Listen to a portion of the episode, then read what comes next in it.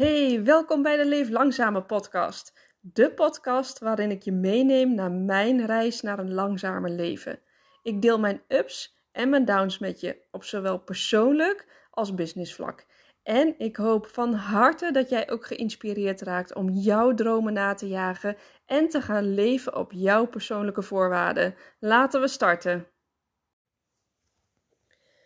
Hey, leuk dat je er weer bent. Ik wil even een praktisch uh, punt met je bespreken, namelijk wat doe je met je spullen als je gaat naar reizen, bijvoorbeeld je gaat je huis verhuren of zoals wij, we gaan emigreren. Wat doe je dan in vredesnaam met al die spullen die je, die je door de jaren heen hebt verzameld? Nou, wij hebben daar uh, best wel goed onderzoek naar gedaan van wat nou de beste manier was om, uh, om te doen. En we hebben ook allebei de situaties hebben meegemaakt. Namelijk, we hebben ons huis vorig jaar verhuurd toen we lang op reis zijn geweest. En wij gaan nu emigreren naar Spanje. Dus we hebben daarvoor ook um, twee verschillende manieren van uh, je spullen opslaan uh, uh, gehad.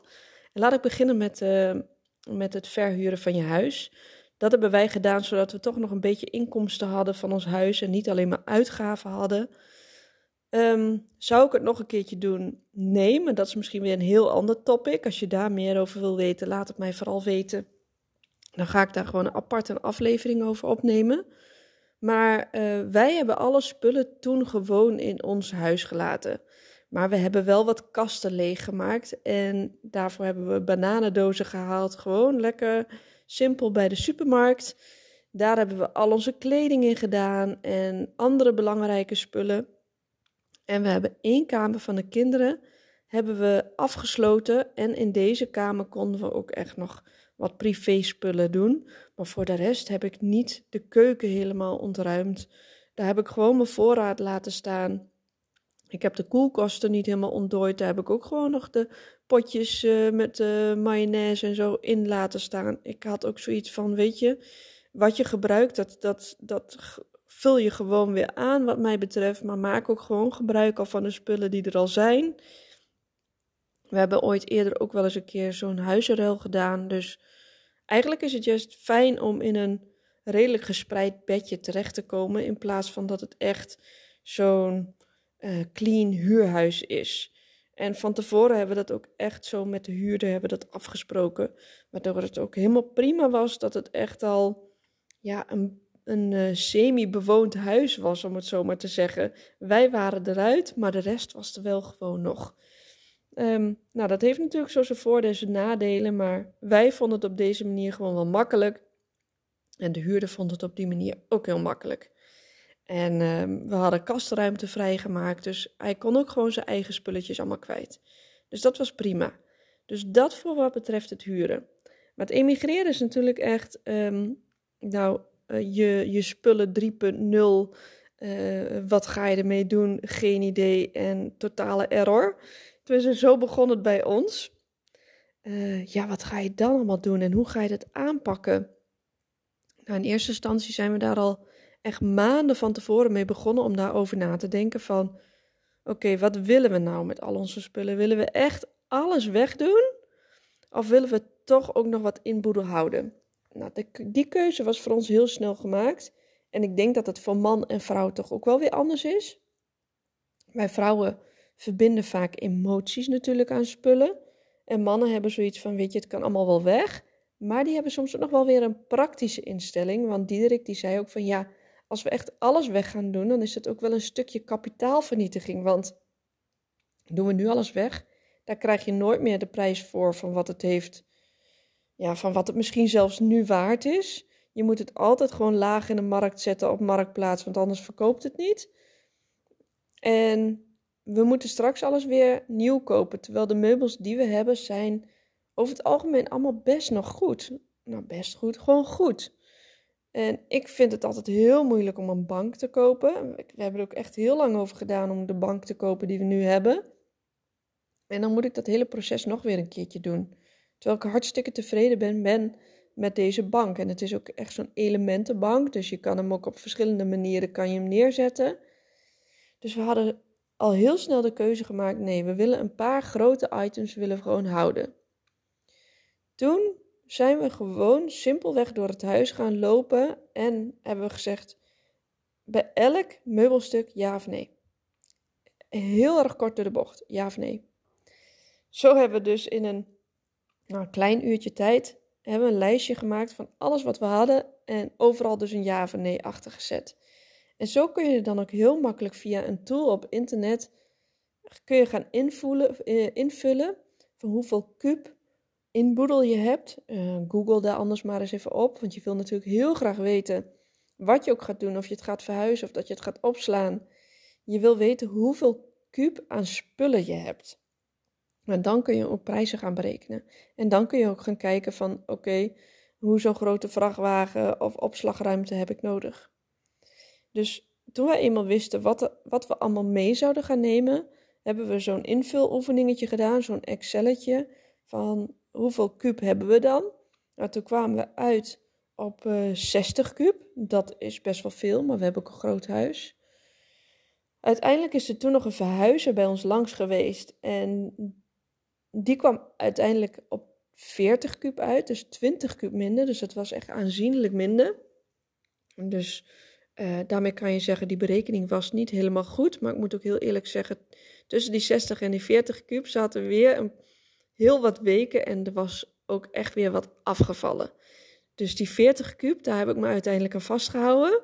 Ik dacht, nou, we nemen hem toch nog een beetje ruimer. We gaan uit van 45, 50. En toen zijn we gaan kijken, oké, wat doen we dan? Gaan we dan echt het al laten verhuizen naar Spanje of gaan we het eerst nog op laten slaan? En toen hebben we gewoon simpelweg prijzen met elkaar vergeleken. Het opslaan bij een verhuizer is duur. Dat is voor hen een extra verdienmodel. Nou, dat klinkt dan heel negatief, maar een extra service. Dat zo kan ik het beter zeggen. En het heeft ook zo zijn voordelen, want als je iets opslaat bij een verhuizer, hoef je het niet meer aan te raken. Daarmee bedoel ik, zij zetten bij jou een box neer, dat vul je in één dag. Die box die wordt bij hen ergens op een terrein neergezet, dan wel in Spanje, dan wel in Nederland, waar dan ook. En die box die wordt pas weer aangeraakt op het moment dat jij een woning hebt. Die box die wordt in zijn geheel wordt die op een vrachtwagen gezet. Die komt bij je huis te staan en die ga je in één dag weer legen. Dus tussentijds kun je daar niet meer bij, kom je daar niet meer bij en je hoeft het dus ook niet over te hevelen in een opslagbox, want dat is al de opslagbox. Anderzijds, als je wel kiest voor het zelf opslaan, dus denk aan een All Secure, All Safe, al dat soort uh, bedrijven, dan ga je het vanuit je huis in een karretje, in een vrachtwagentje doen. Vanuit het vrachtwagentje moet het weer opgepakt worden en in die opslagbox. En zodra jij een huis hebt, doe je dat hele proces nog een keer. Dus je hebt jouw eigen spullen dan veel vaker in de hand. Dus dat is minder efficiënt. Maar voor ons is de prijs doorslaggevend geweest, omdat het zoveel goedkoper is om dit te gaan doen, om het zelf op te gaan slaan. En aangezien wij nog niet meteen een huis hebben in Spanje, maar eerst gaan huren, dus het moet lang, nou ja, waarschijnlijk lang opgeslagen worden. Wij denken zes maanden tot misschien wel een jaar moet het opgeslagen worden. Ja, dan is prijs toch wel relevant. Dat ging echt van een paar honderd euro naar uh, een 150 euro per maand. Nou, dat vind ik gewoon essentiële bedragen waarmee je gewoon heel veel leuke dingen kan doen in de maand. Dus wij kiezen er toch voor om het op te slaan. En dan hadden we nog de keuze: gaan we het opslaan in Nederland of gaan we het opslaan in Spanje? Aangezien we Spanje nog niet zo goed kennen op dat gebied en het nog heel veel uitzoekwerk was, hebben we ook daar niet voor gekozen. En heeft Diederik gewoon een rondje gemaakt hier in uh, Deventer en in Zutphen tussen al dat soort opslagboeren. En uiteindelijk zijn we bij een heel klein bedrijfje uitgekomen. Volgens mij heet het ook Opslagbox Zutphen. En daar zijn we uitgekomen omdat die een, echt een hele mooie constructie heeft. Die zetten namelijk ook een kist bij jou op de oprit, een aanhangwagen. Deze aanhangwagen kan je vullen in twee tot drie dagen. Die staat dus echt een paar dagen bij jou op de oprit. Dus dan hoef je ook niet zo ver te lopen. Je hoeft niet nog weer een vrachtwagentje te huren. Um, Het nadeel daarvan is dat het maar maximaal 11 kuub is. Dus je moet een paar keer zo'n wagentje vullen. En hij is um, 2,30 meter breed. Dus hele lange spullen, zoals onze tafel bijvoorbeeld, die is 2,35 meter. Denk je, hè, shit.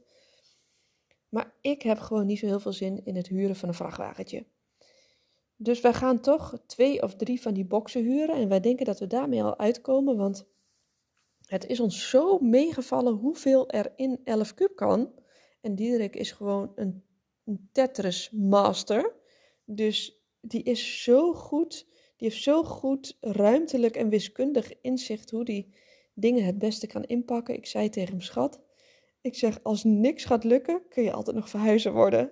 dus dan moesten we samen ook wel lachen.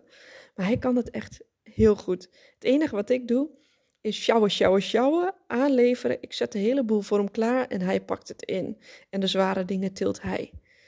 En dat was ook wel heel grappig dit weekend. Mijn broer die kwam, dus we hadden ook twee zware dingen hadden we bewaard. Dus die kon hij met mijn broer erin doen. En er was een vriendinnetje van Elske. En ik heb die moeder even geappt. Uh, kan uh, de vader van uh, haar eventjes komen om haar op te halen? Want er moeten even zware spullen ge gesjouwd worden. Dus zo hadden we het eigenlijk heel spontaan allemaal opgelost.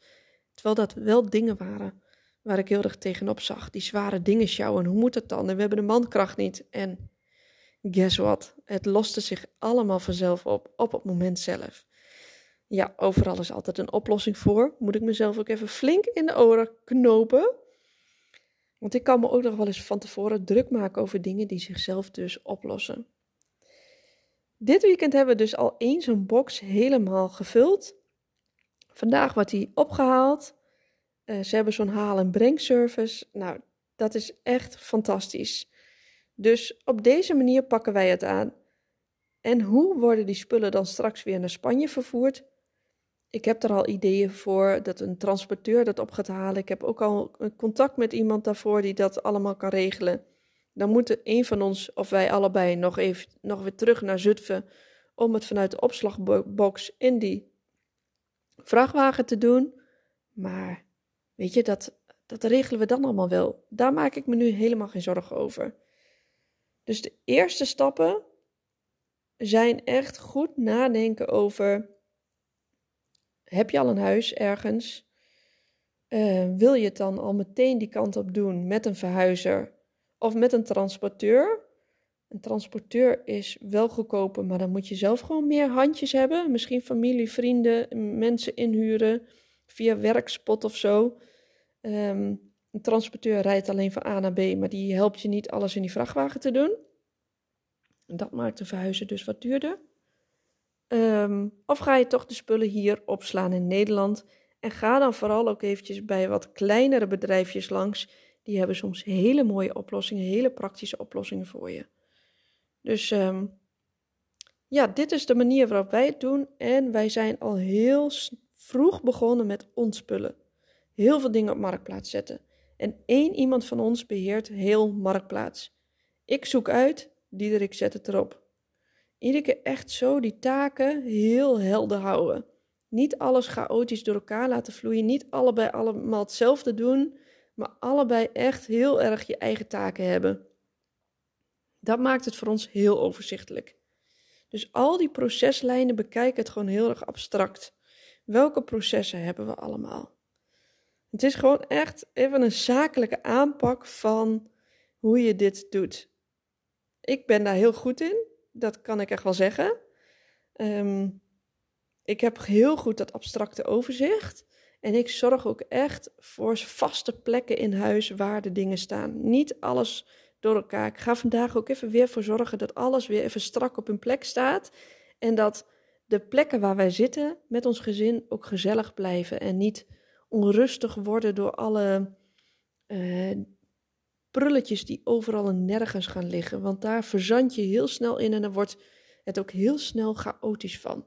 Dus doe dat vooral niet. Zorg voor rust en ruimte en gezelligheid. Ik denk dat dat heel belangrijk is in, dit, in deze fase.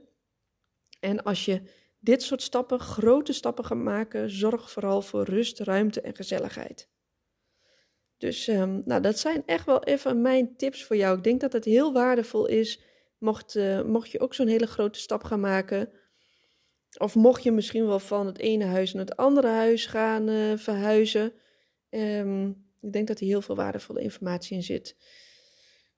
Um, dank voor het luisteren. En vergeet vooral niet mij even nog een paar mooie sterren te geven aan het einde van deze podcast. En ook um, even mij te gaan volgen. Ik wens je nog een hele mooie dag. Veel liefs van mij. Doei doeg! Dankjewel voor het luisteren. Hey, wil je misschien nog een groot plezier voor mij doen? Dat is op Spotify, als je via die app luistert, mij misschien volgen door op deze knop te drukken. En daar kan je ook sterren vinden om mij te beoordelen. Op die manier kan ik beter gevonden worden en meer mensen bereiken met de boodschap naar een langzamer leven. En wil je ook weten wat mijn aanbod precies is en wat ik allemaal doe? Ga dan vooral even naar mijn website of stuur mij een berichtje via Insta. Veel liefs, dank je!